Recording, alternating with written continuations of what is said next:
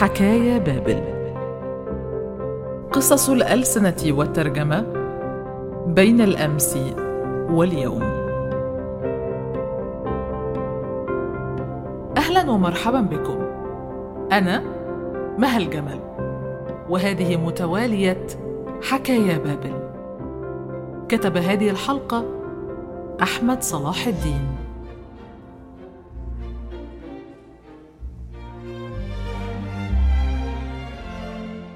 في المحيط الواسع للغات والثقافات يظهر المترجم كبحار ماهر حكيم وجريء.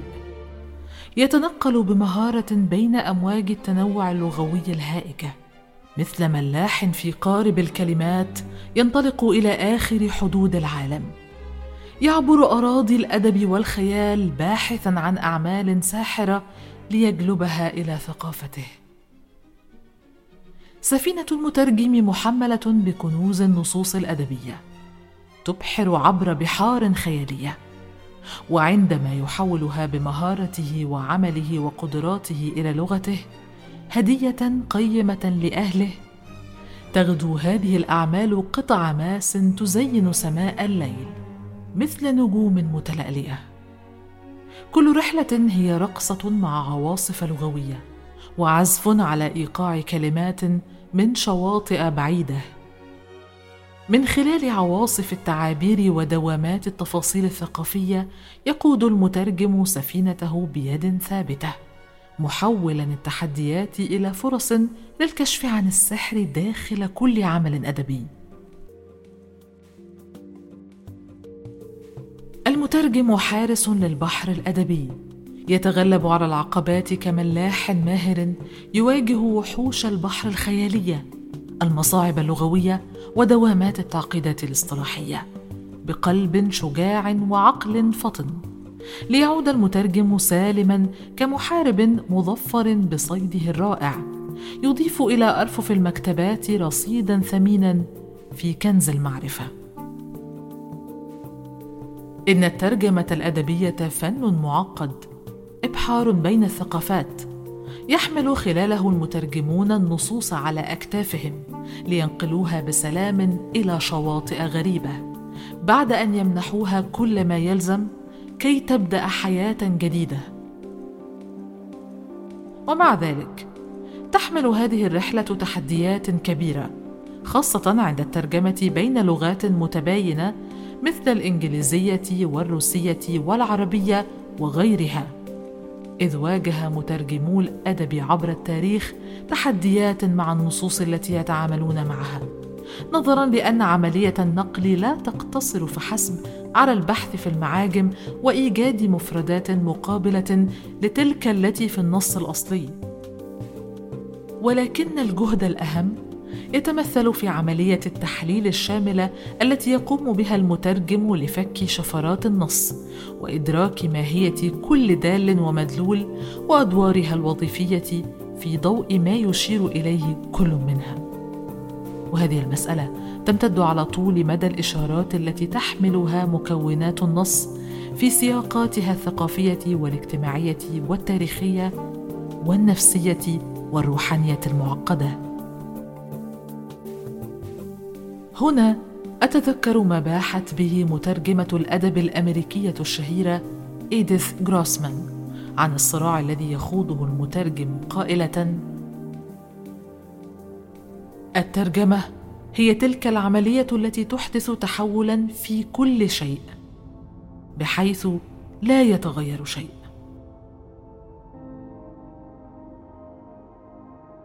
إن التباين الواضح بين اللغات يجعل المترجم يخوض في كل مرة يتصدى فيها لنص أدبي ما يشبه المعركة.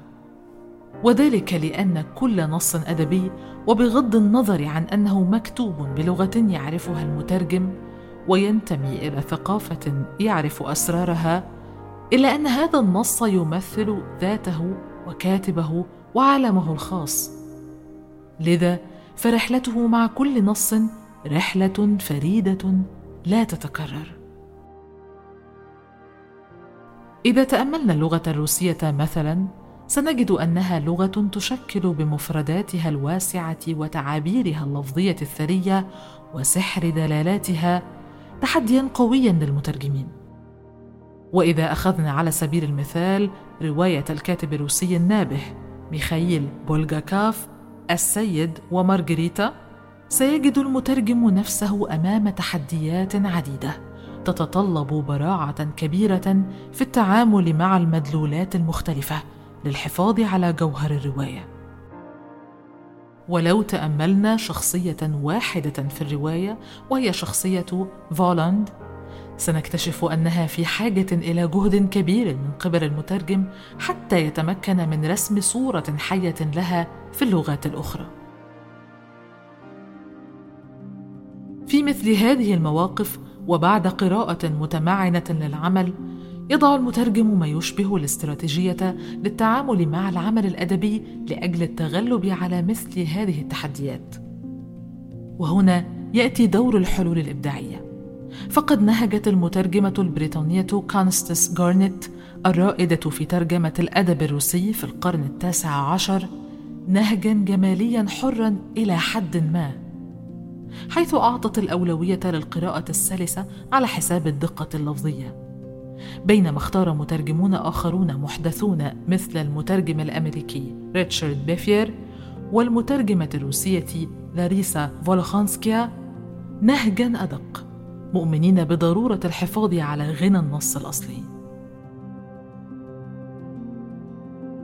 إذا عدنا لشخصية فولند في رواية السيد ومارغريتا نجد أنه يجسد الشر والفوضى ومع ذلك يمتلك شخصية جذابة ومثيرة للفضول. حواره محمل بالرموز والإشارات الثقافية والعمق الفلسفي وتعكس لغته وتعابيره الاصطلاحية تعقيد شخصيته مما يجعل عملية الترجمة مهمة صعبة. كما تحتوي خطب فولاند في كثير من الأحيان على إشارات ذات دلالات عميقة متجذرة في الثقافة الروسية. فيضيف ذلك طبقات من المعنى تستوجب ترجمتها إلى العربية للحفاظ على غنى النص الأصلي. وبالطبع فإن الترجمة المباشرة قد لا تلتقط التأثير المقصود في اللغة العربية. في إطار تلك العملية المعقدة يحاول المترجم العثور على رموز وإشارات في اللغة العربية لتحل محل الإشارات الروسية. ومن ثم يتحقق التعادل الدلالي أو حالة أقرب ما تكون إلى حالة التعادل المتكافئ. يساعد ذلك على التأكد من أن القراء العرب يفهمون الدلالات الثقافية المقصودة. ومن أجل الحفاظ على رسم صورة صادقة لشخصية فولند وبراعتها وذكائها وقدرتها على اللعب بالكلمات قد يقوم المترجم بتكييف تعابيره بشكل إبداعي يمكن من خلاله نقل هذه الأبعاد في الشخصية. يركز المترجم من خلال هذا النهج على الحفاظ على جوهر الشخصية حتى على حساب ما يطلق عليه الترجمة الدقيقة. ولأن الترجمة الأدبية هي عملية إبداعية خالصة نقول إن ترجمة شخصية مثل فولند في السيد ومارغريتا تتطلب تحقيق توازن حساس بين الدقة اللغوية والتكييف الثقافي. بالإضافة إلى استراتيجيات مبتكرة وفهم عميق لتقاليد كل من الأدب الروسي والأدب العربي. فالأدب الروسي بمثابة لغز مثير للتأمل حافل بالأسرار والعمق تختلط فيه أحيانا الحقيقة بالأسطورة. في مزيج عجيب يثير الشغف والفضول أيضا. يغوص إلى أعماق النفس البشرية ثم يلقي عليك نكتة من ذلك النوع الذي يضحك ويبكي في آن واحد.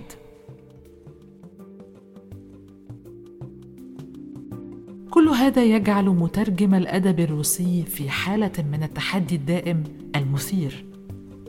على سبيل المثال لو تأملنا الإخوة كارامازوف لفيودور داستايفسكي سيجد المترجم نفسه أمام عمل فلسفي آخر يعج بالتأملات والأبعاد الفلسفية العميقة بين ثنايا حواراتها المعقدة. يقر المترجم الأمريكي ريتشارد بيفير المتخصص في ترجمة الأدب الروسي بالتحدي. قائلا عليك أن تفكر في طريقك من خلال تلك الجمل الطويلة. إنها مباراة مصارعة.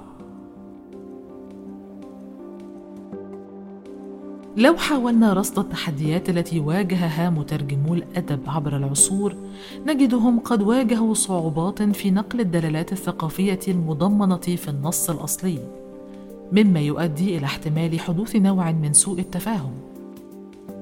ظهر هذا في محاولات ترجمة الأعمال اليونانية الكلاسيكية إلى اللاتينية خلال عصر النهضة حيث كان من الصعب التقاط الدلالات الثقافية ومعالجتها.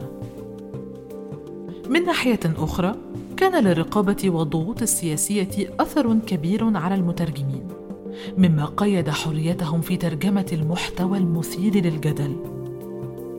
فلا ننسى مثلا ما شهدته فترة الاتحاد السوفيتي من رقابة صارمة على ترجمة ونشر بعض نصوص الأدب الغربي وهو ما أخر إطلاع القارئ الروسي على أعمال مهمة في الأدب العالمي. ومع تطور اللغات قد تشكل المصطلحات القديمة أو المهجورة في النصوص الأصلية تحديات للمترجمين للعثور على معان مناسبة تكافئها. ويزداد الأمر صعوبة لو لم تتوافر المعاجم أو المراجع المناسبة التي تساعدهم في التعامل مع تلك النصوص. وهو ما نراه في ترجمات ويليام شكسبير إلى اللغات الحديثة. لما في لغته من تعابير كثيرة لم يعد لها وجود الآن في اللغة الإنجليزية. ومن الأمور المحبطة حقا التي واجهها المترجمون على مدار فترة طويلة هو عدم التقدير الكافي لقيمة ما يفعلون. بل وحدث أن العديد من المترجمين الذين قاموا بمجهود تاريخي في ترجمة أعمال مهمة لم يعرفهم الناس لأن أسماءهم لم تكتب على الأعمال وهو ما يعد اجحافا سافرا لمجهود المترجمين. أبرز مثال على هذا هو تجاهل المترجمين العرب الذين نقلوا النصوص اليونانية القديمة إلى اللغة اللاتينية. وختاما لا يملك المترجم سوى المواصلة بجد واجتهاد مع تلمس التعاطي المتواصل مع العلم وتطوراته وإثراء الزاد المعرفي واختيار الأفضل من الأعمال من أجل القارئ بكل أمانة وإخلاص.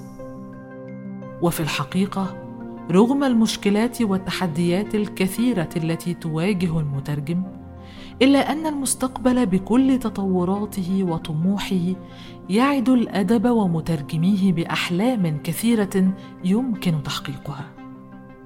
والمترجم كفنان مبدع عليه أن يحمل شعاع الأمل والمعرفة والا يتوقف عن السعي للأفضل كفارس من فرسان التنوير. ها هي حكاية اليوم مع أبناء نوح تصل إلى نهايتها. نلتقي في القريب مع حكاية جديدة. سعدت بصحبتكم. حكايا بابل. رئيس التحرير عائشة المراغي. الهندسة الصوتية أحمد حسين.